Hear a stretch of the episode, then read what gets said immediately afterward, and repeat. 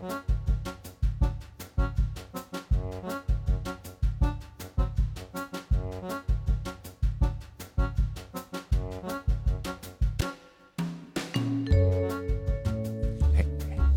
og sæl og velkomin í mannlega þáttin. Í dag er mánudagur og það er 7. november. Já, já, já, já, og þennan dag 1796 var Dómkirkjan í Reykjavík víð og hún var 8 ár í, í byggingu og var svo endurbyggð 1848 og síðan voru gerðar endurbætur 1879. Já, laung saga. Já. Eh, Abraham Lincoln var kjörinn bandaríkjafossiti á þessum degi árið 1860. Og 1864 var bókasafn Akranes stopnað. Tali var að þriðjungur reykvikinga hefði veikst af spænskuveikinni. Þetta er sem sagt á þessum degi árið 1918. Hrísegjar viti var tekin í nótkunn 1920. Veitingahúsið Naustið opnaði í Reykjavík á þessum degi árið 1954. Naustið var fyrsta veiting fyrst veitingahúsa til að bjóða upp á þorramat á þorranum. Já, og yfir í efni þáttarins í dag. Kulnun á vinnustöðum er einn stærsta áskorun atvinnulífsins í dag og rannsóknir prósent sína að 10% stafsfólks upplifir mikla tilfinningarlega örmögnun. Stress, álag og kvíði er í sífælt meira mæli að keira fólk eh, bara í kaf.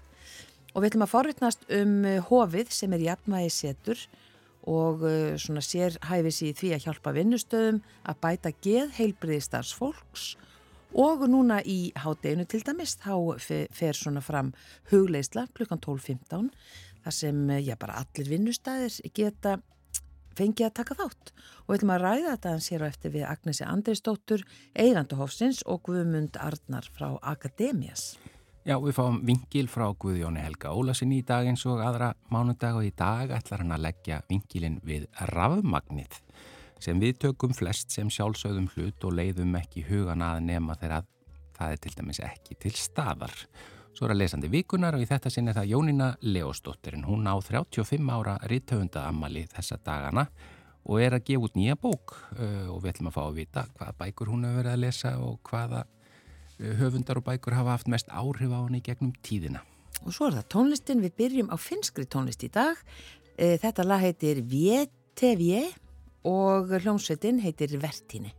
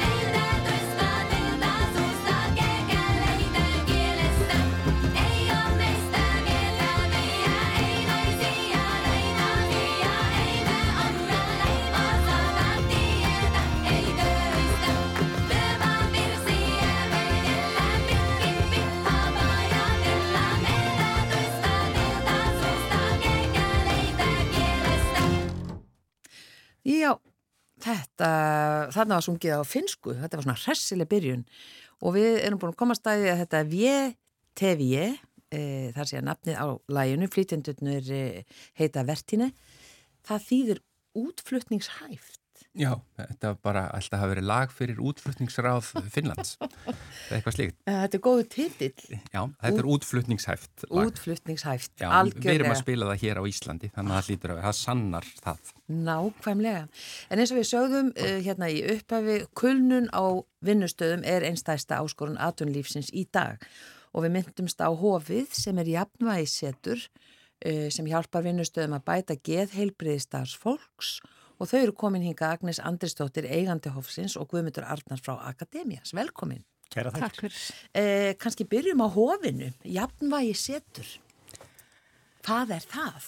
Já, herðu, hofið það eh, býður upp á hugleislur í myndstreimi til fyrirtækja og þetta er hugsað til starfsfólks. Þannig að eh, í, á matmáltíma klukkan kortur yfir tólf þá er hugleisla mánudaga til fymtudaga og þetta er einföld hugleisla. Þetta er hugleisla sem svona kennur okkur að anda, ná smá góðum svona takti og núvitund og þetta er í tímyndur og þetta er einnig eh, hugsa þannig að ef þetta hendar ekki hátteginu þá getur starfsfólk sagt, eh, leitað í þetta á kvöldin eða morgun eftir eða hvena sem hendar. Já, þannig að þetta er upptaka í leiðinni. Já, þetta er sérstaklega uh, sendt í streymi. Mm. Uh, það er alltaf ný hugleisla uh, kvetta, mánda til fymta og svo eftir streymi þá er þetta aðgengilegt. En þannig að uh, hugleisla, að því við vorum að tala um kulnun eða, eða bara bugun nánast í vinnu, að, að þetta er eitt af, sem, eitt af þeim tólum sem hægt er að nota til að, að vinna gegn því. Algjörlega og það er alveg sannað að með reglulegri yðkun hugleislu að þá líður okkur betur, við náum betri tökum á okkur og náum betra núi sem er allt sem skiptir máli. Já, og sem sagt hofið, það eh, sérhæfir sér í þá hverju, að svona hjálpa eh, bara starfsfólki á vinnustöðum í svona bara við geðheilbriði. Já, það er, við ætlum okkur stóra hluti en við byrjum þarna, við erum sem sagt vorum bara að byrja fyrir tveim vikum erum búin að vera að smíða þetta í nokkra mánuði og sendum fyrstu hugleisluna frá okkur í streymi á mándaginn fyrir tveim vikum og þar er gaman að segja frá því að það var yfir 500 mann sem tók þátt í streymi á þeim degi. Já. og við erum ekki með tölur yfir þá sem að nálgust svo hugleisluna eftir streymið en, en hérna þetta gekk ótrúlega vel og við erum svakalega, við höfum fengið góðar viðtökurs Já Og þetta er sérst byrjunarverkefni okkar, svo er fullt af stærri eh, verkefnum sérst í þessum heimi sem okkur langar að framkama. Ennveit. Eh, Guðmundur Arnarsson, hvernig mm. kemur þú að þessu? Herði, frá kem, Akademia? Já, ég kemur sérst frá Akademias. Akademia sjálfa vinnustöðum að náraugur með hérna, stafránum fræslarustum, námskeiðum og, og verkefnum og leikjum og alls konar erum að þjónustum með það og síðistleginn tvö ár þá hafa þessir yfir hundra vinnustær sem við erum að vinna með þá hefur það svona toppik að svo áskorun sem að flestir eru að tala um og leita til okkur með að leysa að það er í raun og verið hefur að gera með bara andlega helsu starfsfólks. Og mannustjórar e, hvað sem er í helbriðis e, hérna geranum búið til brauð, fljúa fljóvölum bara óhóð gera að þá segja allir mannustjórar, því þetta er vandamál hjá öllum ég, bara, ég get bara fullirt að þetta er eitthvað sem að þert yfir á öllum vinnumarkaðinum. Já að þá segja mannustjórnir, og við vitum hvað eru margir að fara í kulnun, að þá segja mannustjórnir okkur, hérna, fólk þorir ekki að koma til okkar eða líður illa og er að glíma við eitthvað fyrir að það er komið fram á brúninni. Þannig að við erum alltaf búin að missa fólkið okkar þegar að það leita til okkar. Þannig að svona í þessum fræsle heimi sem Akademías hérna þrýfst í að, að þá snýst þetta um að búa til eitthvað sem er fyrirbyggjandi. Þú veist, hvað getur við gert til að hjálpa fólki að skilja og annað og, og þessna þegar að hérna, við fréttum að þessari hugmynd hjá henni Agnesi að þá hérna átti það svo sannarlega hérna eh, passaði það inn í þetta sem við erum búin að vinna þetta fyrir tvö ár með alls konar námskiðum um streyt og annað. Að því að tölfræðin er þannig við sjáum það bara í fjölmjölum alla þessa umræðu um kulnun og, og hérna bara streytu kvíða hjá börnunum okkar og kannski áhvert að segja frá því að grunnskólar eru á einhverju liti konir lengra heldur en vinnumarkaður því að það er verið að bjóða upp á höglislur í hérna höfum við að heyra við hérna grunnskólum hérna viðaði bænum. Þannig að, þannig að fyrir okkur sem erum með þjónustu fyrirtekin að þá er þetta bara komið að daskra þar og eitthvað sem við verðum bara í því sem við erum að gera til að standa undir nafni að, að þá er þetta bara eitthvað sem við verðum að aðstofum þannig að við erum ákala ánum að þetta samstarf. Já, e, þú sagði ráðan meðan við vorum að hlusta á fjenskalagi að það, þið værið að horfa á sláandi tölur Já, það er alveg ótrúlegt. Við erum með þess að tölur frá prósent sem að segja okkur að 41% manns eru útkerð í lók vinnudags, vikulega eða oftar. Hugsa ykkur, það er næsti helmingurinn af okkur. Það er bara tveir af okkur fjórum hérna allafana. Og 35% eru úrvinda vegna vinnu Uh, við vitum hins vegar að það er ekki bara vinnan sem er að slíða okkar, það eru þetta engalífið okkar líka og við vitum að sjálf við erum með börn og við erum í nefndum og við erum að sigra heimi, við þurfum að mæti ræktina, við þurfum að líta vel út og við þurfum að vera klár og, og fara einhver námskeið hjá gumma og ég veit ekki við þurfum að lukka annars, annars gerðist það ekki. Annars gerðist það ekki og við erum í, í svakalir keppni og við, við gleymum að ná djúbandanum og gleymum því sem skiptir máli í rauninni og talandum það sem skiptir máli að 18% á aldrinum 18 til 24 ára eru í kulnun. Bara nú þegar og það er bara sláandi. Já, það, er, það eru sláandi tölur Já. Já, og þetta er sem sagt uh, hérna innvendartölur. Já, frá já. prósent. Og svona stað, stöðlu mæling hjá þeim, þannig að þetta er svona aðferðfræð sem er búið að nota í öllum þessum löndum í kringum okkur og þú veist, 11% af öllum konum á íslensku vinnumarkaði mælist í kullun, sanga þessu mati. Og sama tíma við erum að skoða þessa tölur, þá hefur hugleisla farið niður á við. Það eru sérst færri, alveg þó nokkuð mikil munur á milli ára, það eru færri og færri að stunda hugleislu og ég man ekki hva, hver var munurinn á milli 2020 og 2022 það fór niður um 8% 27 niður í 22% já, var, að, að leiti, já það var alveg þó nokkuð mikil munur. Ég veit ekki hvort það tengist eitthvað COVID að við hefum haft meiri tíma þá vorum heima eða hvað það var. Ég hef ekkert fyrir mér í því en ég veit bara að færri eru að stunda hugleðslu og við erum að fara í kulnun og bara þrótt. En sko hugleisla og, og núvitund sem við hefum verið að fjalla talsast um en maður veit oft ekki hvernig maður á að snúa sér þegar að, að til að byrja að, að stunda það og þetta vex mörgum fyrir augum og, en ég menna þetta það sem þið eru að tala um er ég að skilja rétt að hofið er sem sagt ekki alvöru hof eh, hérna, er, er þið aðalega á netinu í, í svona streymisefni? Já, frábær spurning. Hofið er sem sagt við erum á netinu mm og við bjóðum upp á huglæslur í streymi og það er einmitt gaman og skildi koma að þessu að því að flestir eða mjög margir sem eru ekki í þessum heimi þeir álita að huglæslur sé eitthvað sem er uh, of erfitt að pröfa og halda að fara í einhverju svona uh, djúpan trans eða ég veit ekki hvað og kannski bara er ekki að skoða þetta eða veit ekki hvað þeir eru að nálgast þetta og þess aftar og það eru þetta til marga tegundir af huglæslu. Mm. Hugræslan sem við erum að bjóða upp á er í sinni einföldustu mynd. Þetta snýst um að ná djúbandanum, þetta snýst um að staldra við núin okkar. Þetta eru bara tíu mínútur og við erum bara í rauninni, við erum mest að þessu til þess að fólk kynnist í hvaða er gott að prófa aðeins að staldra við núinu sinu og að þú getur þetta. Þetta er á íslensku, þetta er á netinu, þú getur verið heima hjá þér upp í sófa, þú getur verið að vaska upp eða hafa það til fyrir daginn, hvað sem er Má getur verið að gera sem sagt annað á sama tíma. Algjörlega, þú getur verið út í göngutúrnuðinum og það er bara rosa gott fyrir hvernig einn að bara pröfa, bara pröfa þig áfram. Þannig að þetta er ekki að sitja í jókastellingum með hérna fingurna saman og, og það verða að vera algjör þögn.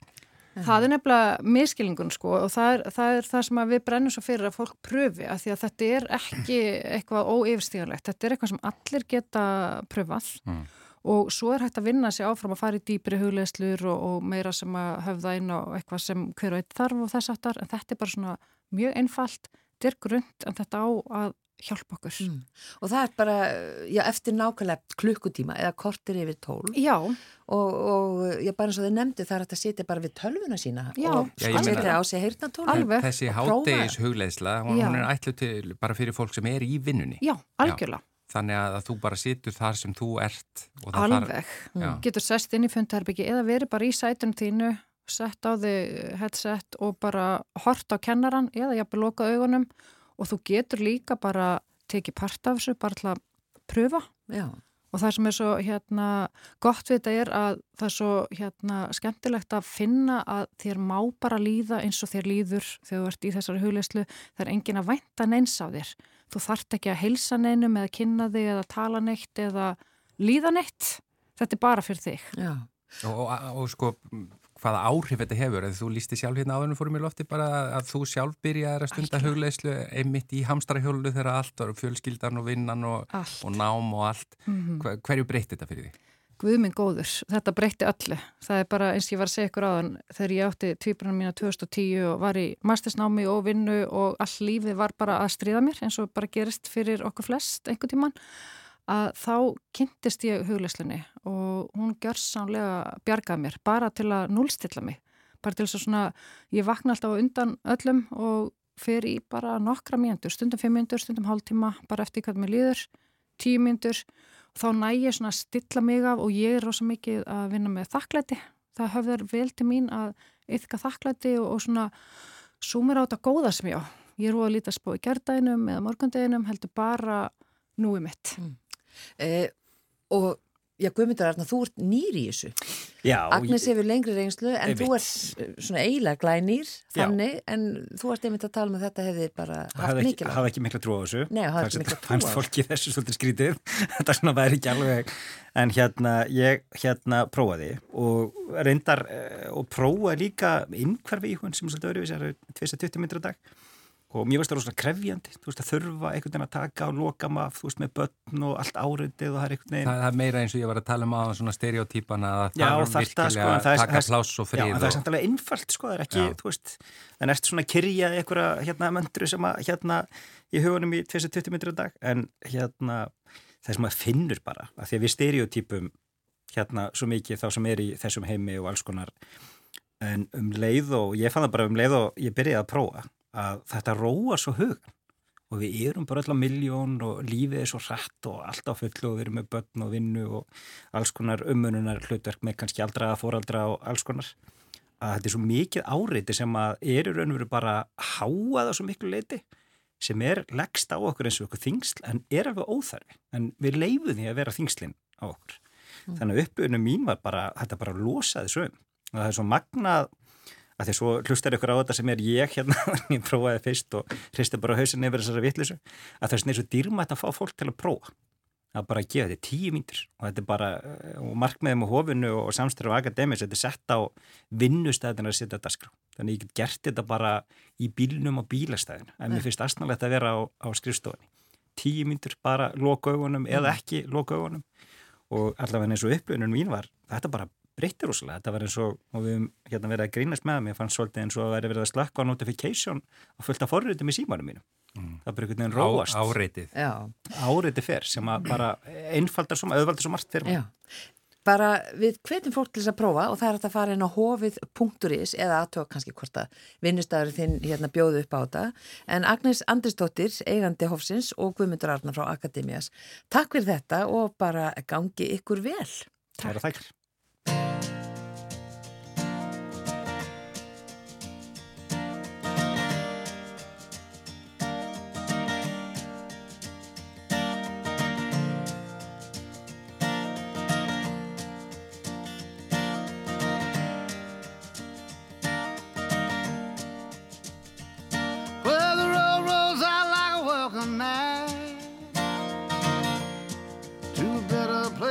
than the one we're at.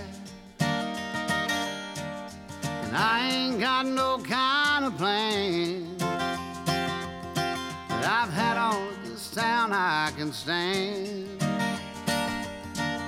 And I got friends out on the coast. We can jump in the water and see what flows. We've been saving for a rainy day.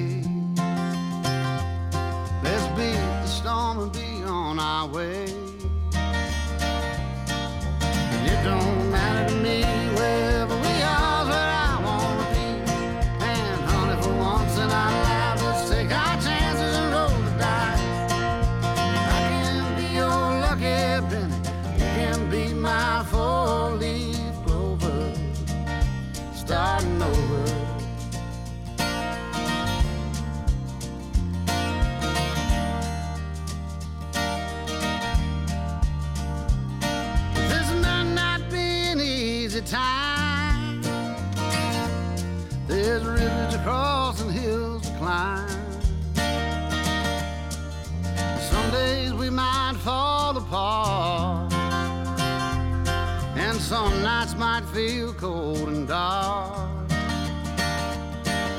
But nobody wins afraid of losing. And the hard roads are the ones worth choosing. Someday we'll look back and smile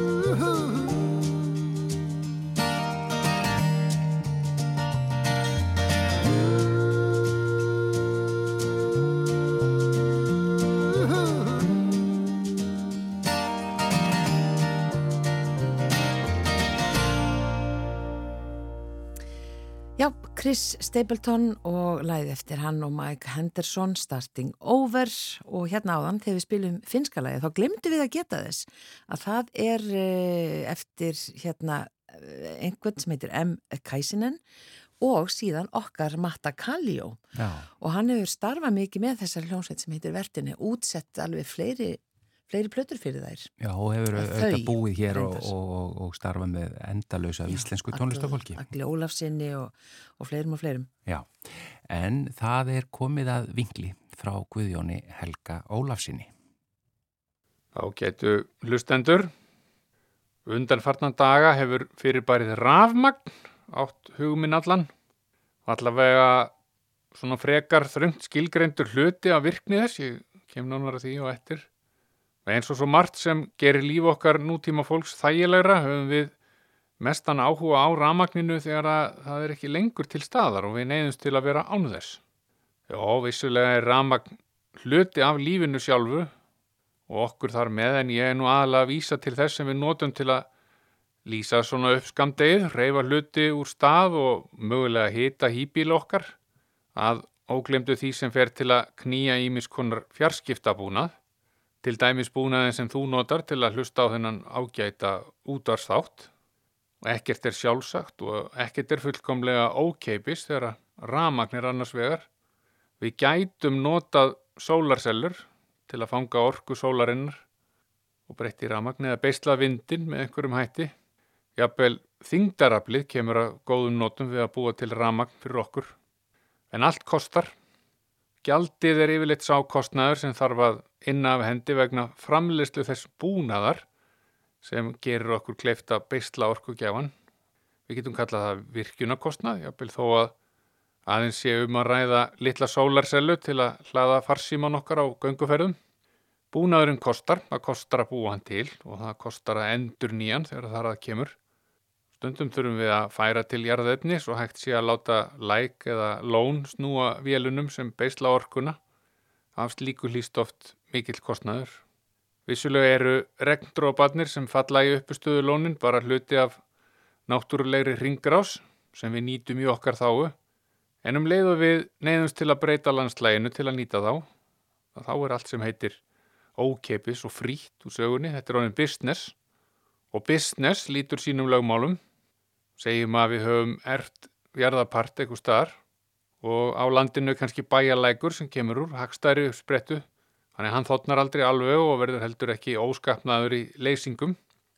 Við getum hugsað sem svo að það sé hagstætt að koma fyrir varshjóli sem knúi getur ymsam búnað. Vissulega rennur lækurinn sína leið til sjávar, hvort sem við látum hann snúa hjólinu og búa til ramagn eða ekki. En umstangið sem þarf til að koma hjólinu fyrir og koma orkunni yfir á form sem nýtist okkur er auðvitað líka kostnaður sem bætist þá ofan á það sem hlýst á því að kaupa eða smíða vasshjólið, rafalan og þann búnað sem þarf til að koma ramagninu heim á bæ eða þanga sem við ætlum að nota það. Og þá hljótum við að vera sloppin eða ekki, við erum byrjuð að framlega ramagn og erum komin með það á notkunnar stað. Nú er bara stingi samband og njóta, eða ekki? Nei, ekki alveg.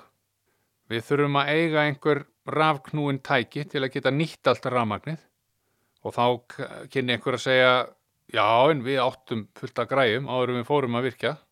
Við nótum þær bara og það er alveg rétt, nú höfum við þann möguleika en þær græjur voru ekki ókeppis auk þess sem við þurfum að leggja auðra til hliðar svo hægt sé að endur nýja þau raftæki sem við viljum nota. Þeir peningar koma þá ekki að gagni við neitt annað á meðan og ég þarf vist ekki að nefna orðið bankavexti oftar en einu sinni til að þeir sem eru komni til vits og ára átti sig á því að taki maður lán til að fjármagna framkvæmdir er eins gott að hafa einhver ráð með að endur greiða þau að aukinni þeirri þóknun sem lánveitandi vil fá fyrir sinn snúð og sitt vasshjól og enn erum við ekki sloppin. Við eigum eftir að velta fyrir okkur einum kostnæðali til viðbútar og hann er sá að landi sem fer undir uppustöðulónið okkar, stípluna, aðrensliskurðin, frárensliskurðin, spennavirkið og annað sem til þarf er dýrt. Jú, jú, þó að við erfðum landið, ána á vatnið, er ekki hægt að líta fram hjá þeirri staðrind að við getum mögulega ekki nýtt það land til neins annars. Það er ekki hægt að hafa tún, beitilandi eða skóg lengur. Það land er núna upptekið í þessu verkefni og er nýtjar sem við getum haft af því, okkur til hagsaldar miðast nú algjörlega við það. Uh, þetta getur auðvitað verið breytingum háð sem stundum fer eitthvað annað ágætlega saman en stundum ekki. Kanski þurfum við að útbúa stíplu til að stækka aðeins vatni sem lækurinn rennur úr og grafa svolítið að skurðum til að vatni rati á vassjólin okkar. Kanski þurfum við að vera með lokubúnað þannig að við getum veitt vatninu fram hjá vassjólinu ef þarf að gera við hjólið eða stípluna og það kallar kannski á einn skurðin enn sem nýtist bara á meðan verið er að sinna viðhaldi á lokunum eða vassjólinu. En nú hljóttum við að vera búin að borga allt er ekki. Nei, því miður. Nú þurfum við að meta hvort landi sem fer undir vassjálið og allt í kringum verkefnið sé mögulega meira virði fyrir okkur í óbreyttu ástandi. Getur verið að við metum það svo að verðmæti þess sé mest ef við gerum ekki neitt. Eigum bara þetta fína vatn og hennan fína læk áfram. Það er líka valkostur. En okkur þyrstir í rafmagn. Við notum það á hverjum einasta degi og helst meir í dag en í gær. Ég er til dæmis einn af þeim sem vakna flesta daga við rámastæki. Lætt síman minn pípa á mig klukkan 20 minnur gengnar sjö á virkum dögum. Er enda svo vanafastur að vakna alltaf á sama tíma um helgar líka og ég fari nú kannski ekki á fætur alveg strax. En ég nægi síman og slekka á pípinu. Tegið mig síðan í ljósarofan til að sjá nú eitthvað til. Fer fram í rafhitað rýmið og kveiki ljósin þar, nota vatn sem kemur nú ekki aldeilig sjálfkrafa hingað inn, heldur er því veittinga með rafknúnum dælubúnaði. Ég kveiki á útvarpinu, kaffivélni, opna ískápin sem daga á nætur gengur fyrir ramagni og tendra fyrir mig ljós í hvert einasta skipti sem ég opna, en deins gott því annars myndi ég ekki finna lýsisflöskuna. Já og 14% bifreiða okkar Íslendinga ganga líka fyrir ramagni aka okkur til vinnu um raflýstar götur í takt við rafknúin umferðaljós. Og svona gengur þetta fyrir sig allan heila daginn, uns maður leggst þreyttur í ból og endar á því að slökva ljósið, vitandi vits að síminn gengur allan sólarhingin og vekur mig næsta dag. Við hættum að taka eftir þessu, þessum að okkur finnst svona sjálfsögðu þægindum, alveg þangað til eitthvað gerist og við missum þægindin. Að fara nótt Nýliðins förstu dags þurfti okkar góða starfsfólk hjá Rarik að vinna við viðgerðir á búnaði á dreifiveitu fyrir ramagnetni í flóarheppi og skeiðunum. Ég fór strax að velta fyrir mig hvaða óþægindi það geti haft í förmur sér fyrir mig, sjálfhverfur sem ég er. Nú hitastíði var aðeins undir frostmarki, þá eru þetta aukin hætta á að vatn frjósi í intaksurörum við tilherandi vesinni. Ég er nefnilega með rafknúin hitaþráð á því sem sérum að slíkt gerist ekki þegar nótkunna lítill eða enginn. Húsið mitt er hita með ramagni og ég fór auðvitað að aðtúa hvort að gamli propangasknúni opnin minn var ekki tiltækur. Jú, jú, hann er það, en ég var náttúrulega búin að stela kútnum á hann hérna í sumar til að nota útigrillið. Vissar að renna á stókseri og kaupa gas. Og svo er líka kamína hérna. Ég skrapp út í geimslu og fylgti báðar körfurnar af sprekum. Aldrei á varlega farið og gekk úr skugga um að til væri kveikjari ef áþyrst að halda og að höfðuljósi mitt væri með nýlaði batteri en ég sæði eitthvað til og svo að hugsa um að þessi gasopn kæmi kannski ekki aðneinu gagni. Maður má alls ekki hafa kveikt á svo leiði stóti á nóttuði þeir brenna öllu súrefni innandira og maður kannski bara vaknar alls ekki neitt næsta morgun. En getur verið þægilegur þegar maður fyrir á fætur í kölduhúsi já og sniðut að vera klár með inn í skóna einhverstað nálat rúminu. Líka gott að hafa rendu lópapeisuna sem gunna á grund prjónaði handa mér um árið til tags. Allavega á meðan opnin, kaminan og kaffibóllin kom að hýta í kroppin. En þá áttaði ég mig á því að mögulegir því ramagn ekki komið á þegar passaði að hýta morgunsopan. Ég verði eins og and skotin upp úr súru ef ég fæ ekki kaffi á mótnana og legg það ekki á nokkuð mann. Og hvar var nú prímusinn? Vissar að hafa dags og, og ketilinn rétt að stilla því öllu upp og líka möluðu kaffi og trektinni og kaffisíu og hitabrúsanum og ætti nú að ganga sæmilega með morgunverkin og ef allt fer í skrúfuna er díselrafstöð hérna út í geimslu og óli á henni en, en kannski vissar að hlaða rafgemin í það minnst að hafa startkaplana til tags. Hvað eru þeir? Ég bara mann það ekki. Attur í einhverjum bílskrónum hérna fyrir bara út aftur og skoða það, þeir hafa ekki farið langt. Og rétt fyrir miðnætti var þetta allt orðið klárt hjá mér þannig, tók vissulega svolítinn tíma en manni leytist ekki á meðan. Þeir ætluði að taka ramagnið af upp úr tólf, þannig að ég ákvaða líta aðeins í dýrafjörðarsögurnar eftir hann bjarna á kvanneri. Ég segi ykkur betur frá þeim í setna, stór skemmtilegar. En sopnaði auðvitað eins og steitn eftir allan hamaganginu og vaknaði ekki fyrir en við síman á mínum venjulega tíma. Ramagni löngu komið á og allt í standi.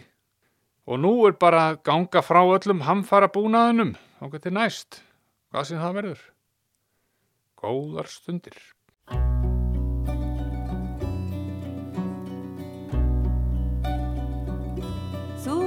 Við átt að kvika, ég vil ekki hika.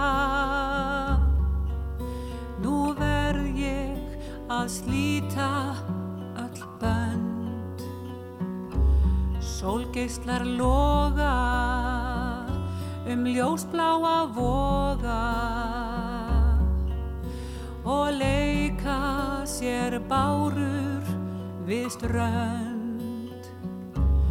Lögurinn tindrar og liftrar og sindrar. Leiða ég hrindi mér frá. Ég finn hvernig blossar í brjóstin og fossar. Um blóð mitt hinn ólgandi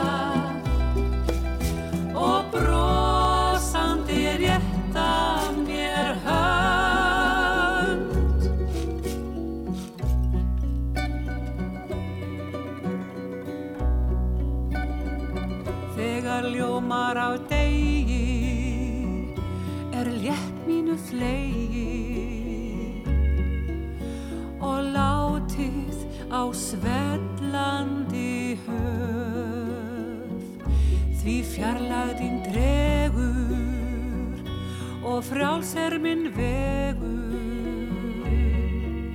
Ég fagna, ég þól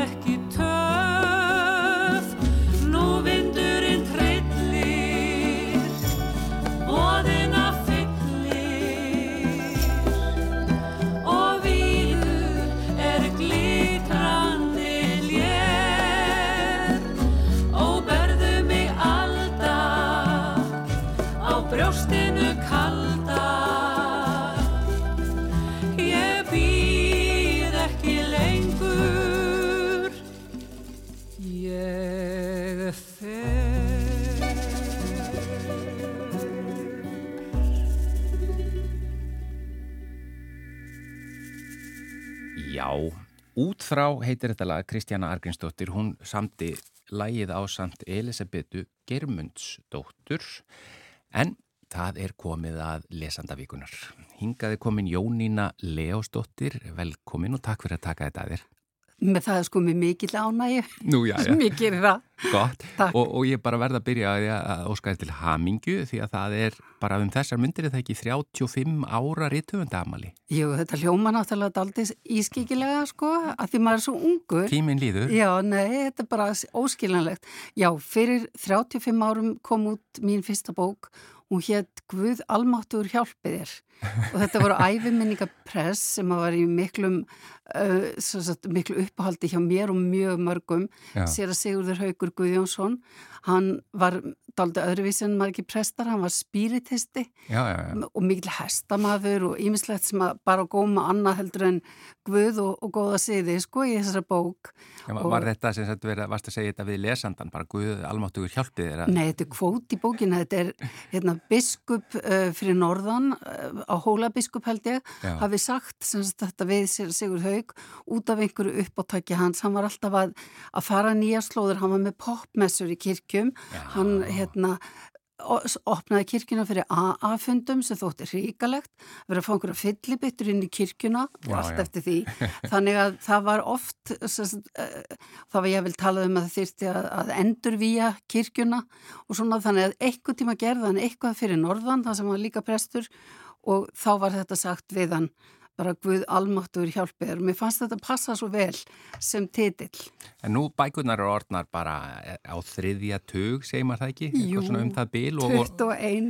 og já, ok, það loksinn Nákvæm. að komið á þriðja tug Já. uh, og bara komin út ný bók núna og þetta er þriðja bókin um, um hvað, Adam og Sofju. Það passar. Þau eru uh, fyrirverandi hjón. Mm. Mér fannst svolítið gaman að stefna þeim saman, láta þau vinna saman fólk sem er búið að vera í hjónabandi sem sprakk Já. og get ekki búið saman. Þannig og veruleiki sem margir þekkja. Jú, jú, en að þurfa síðan að stilla sama strengi og leysa glæpamál og það byrjar, sko þetta byrjar fyrsta bókin af þremur í þegar COVID er að hellast yfir Já. þannig að það er bara út af manneklu hjá löggunni sem að hann sem er sálfræðingur er beðin um að hjálpa konan er sagt, rannsóknar lögga og fær hann til að aðstofa sig að þetta er svolítið sálrænt element í sumum glæpum. Já, já, jú, Þannig jú. að þau eru þannig í þriðja skipti að glíma og nú dregst dóttir þeirra inn í þetta líka því að hún kemur að myrtum manni þannig að þetta verður persónulegt Bókin heitir Þvingun.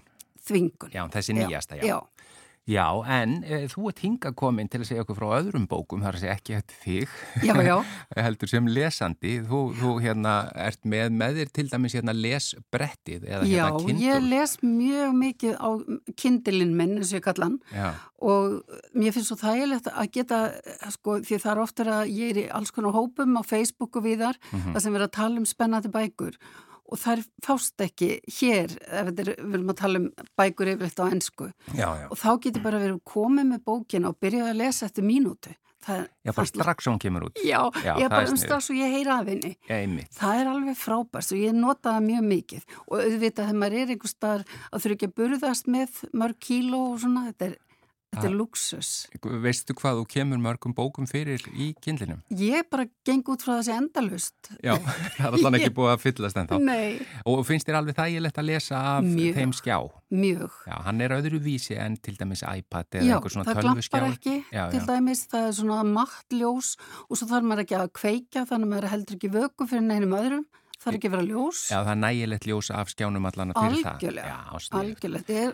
Frábært tæki, mæli með. Hvað er fyrsta bókin sem þið langar að segja okkur frá sem Uh, þú hefur verið að Fyrsta lesa? bókin er reyndar, er ég með hérna sem eh, prentbók og hún er eh, kom út í sumar og ég veit ekki, ég held ég hafi séð viðtal uh, í kiljunni við höfundin sem að höfundurinn er Sigrún Alba Sigurðardóttir. Mm. Bókin heitir Sumar, blóm og heims er skrjót og það var eitthvað svo áhugavert hvernig hún lísti bókinu. Þetta er byggt á uh, svona æfi ömmennar að einhverju leiti Já, og mér, mér finnst oft gott að lýsa bókum með því að líka um einhverja aðra bækur.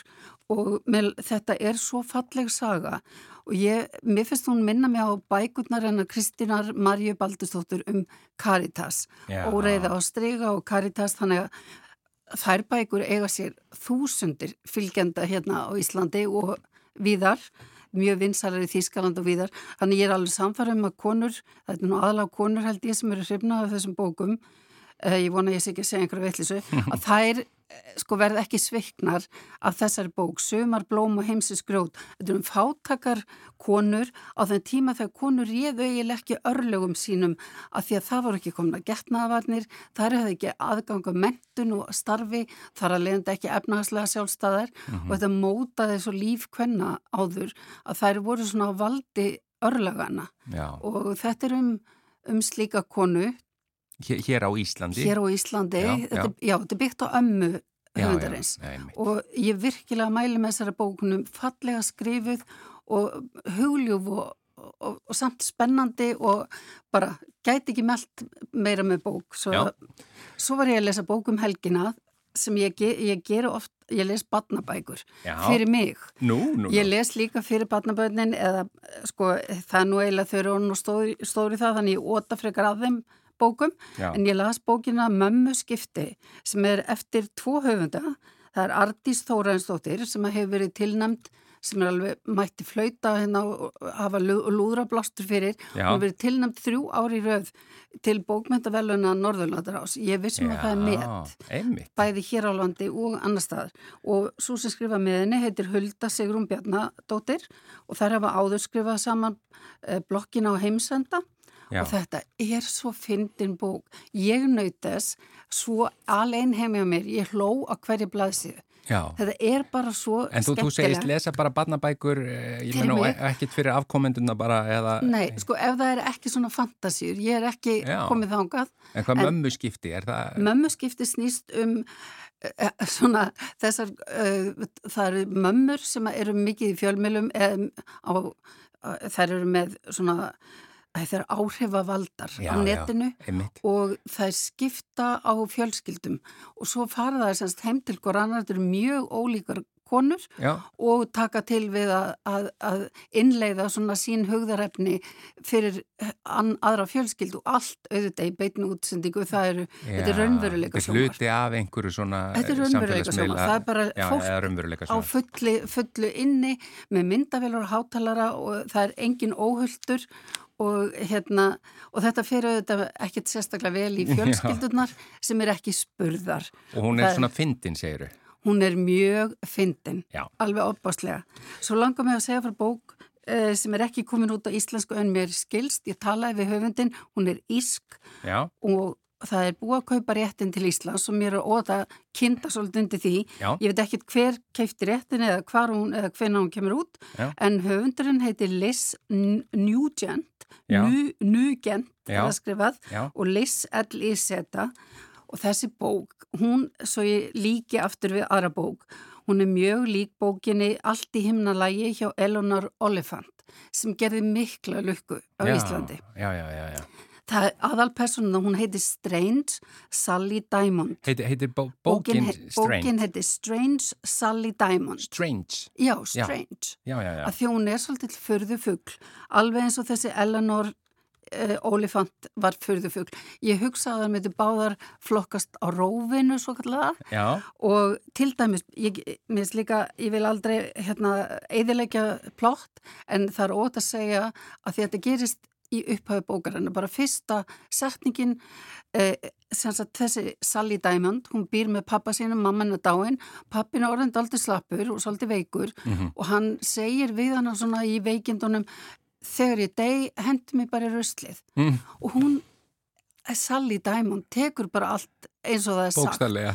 og svo finnst líkið í ruslinu. Já, þannig að þetta er eins konar glæpasaga en samt ekki. En hún var bara að hlýða. hún var bara að gera eins og pappi sagði og Já. svo kemur náttúrulega löggan og það farið að þarf að rannsaka málið Já, já, hvað gerðist. En þá svo smán saman uh, kemur í ljós að hún hefur átt mjög sérstaka æsku sem hún er búin að blokkar á og man ekkert eftir sjálf og smán saman kemur svolítil skýring á því af hverju hún er eins og hún er og dramatísk leindamál og það hoppar upp maður og fortiðinni og þetta er svo spennandi og skemmtileg bók Strange Sally Diamond eftir- Mundur, að því að það er, þú segir að það sé líklega að koma þýðing, þú Já. búin að heyra af því. Það þá- því. Þannig að þetta verður einhvað svona hinn skrítna Sally Diamond eða eitthvað slíkt, það verður titilli Mér kannski. finnst það mjög líklegt og þessi bók, svo ég, ég má ekki halda vatni yfir þessa bók, hún er svo skemmtileg, hún er búin að sópa að sér velun, þessi höfundur Já. hafði verið að skrifa svona húmoríska glæpasögur Já, á Írlandi og svo allt í hún bara komin út um allan heim. Þessi bók sló í gegn og hún er búin að vera, ég bara hef mestar ágjur og hún haf ekki tíma til að skrifa fleiri bækur já, já. því að hún er á bókmentaháttíðum sem heiðusgestur sko út um allan heim og bækurnar renna út. Já, áhugavert, Liz Nugent. Já, lesni út og hún er að koma til Íslands Já. eftir nokkra daga til þess að vera á Æsland Noir glæpasagnaháttíðinni. Heyrðu, þú sagði mér áður en við byrjuðum og þú ætlar að segja frá fullta bókum en stutt en svo bara þróast þetta þannig að, tíminn flýgur. Já. Þú ein kannski bóki viðbútt svona stuttlega áður en við förum síðan aðeins aftur í tíman sem að förum við í svona virkilega áhrifavaldar. Ég skil. Það er hérna bók sem að mér svo, ég las heila nótt sem ég gerir nú ekki oft. Mhm. Já. Hún heitir The Madness of Grief Já. og það er vegna þess, mér langar að segja frá hana því að fyrir jólinn þá verður fólk oft daburt, þetta er ekki gleðitími hjá öllum, Mhm. það er fólk sem er í sorg og, og svona þarf eh, hérna ofta að taka á stóra sínum fyrir jólinn. Þetta er bók eftir frægasta prest í Breitlandi er hann kallaður, hann var punk tónlistamaður Já. og hann, var, hann er sjómastjarnar, hann er nýbyrjar að skrifa glæpasögur en þessi, The Madness of Grief Uh, hún er skrifið um eh, dagana í kringu það þegar hann misti mannin sinn. Hann var Já. giftu manni sem var líka prestur og þeir auðvitað að lofa kirkjunni ef þeir fengið að giftast og búa saman að þeir myndi ekki sofa saman. Af því að kirkjan Já, lítur og það miklu ekki. og svo upplýsir hann auðvitað í bókinni að auðvita sváfið þeir saman. Já, þeir, eru- voru nú orðni hjón, sko. En hvað hérna, hvað heitir hann sem þessi prestur? Hann heitir Richard Coles. C-O-L-E-S, Richard Coles, The Madness of Grief. The Madness of Grief og hún er með svona undirtitil að Memoir of Love and Loss. Þetta er, maðurinn hans var alkoholisti Mhm. og deyr og þetta er svona um þessar skrítnu daga í kjölfara andláts og En e Góð ef að þú mátt núna fara bara eins langt aftur þú vilt, eh, hvaða svona bækur og eða höfundar koma strax til þíns, eitthvað sem virkilega hefur fyllt þeir í gegnum tíðina? það kemur náttúrulega upp um aldurinn að þegar ég var krakki þá var það auðvitað Enid Blyton. Já, maður beigð á jólunum og taldi hörðu pakkana og svo var það vasaljós eða það var nú verið gott að eiga kindil en Já. vasaljós undir sæng og hérna svo las ég bara allar barnabækur bæði sem mér bárust og bróðu mínum sem var náttúrulega pínlítill fjórum árum yngre en ég algjör á barnabækur en ég las þær samt já, og sýsti mér fekk einhverja bækur sem var eldri þannig að ég byrjaði bara strax þar en það voru ekki það marga barnabækur sem komu út þegar ég var krakki. Svo að ég fór bara gegnum skápin heimi á mér og las allt í mann, ég var að lesa bækur sem ég hef öruglega ekki skilið neitt í eins og en sko? Hemingway og Steinbeck og Já. einhverja svona höfunda.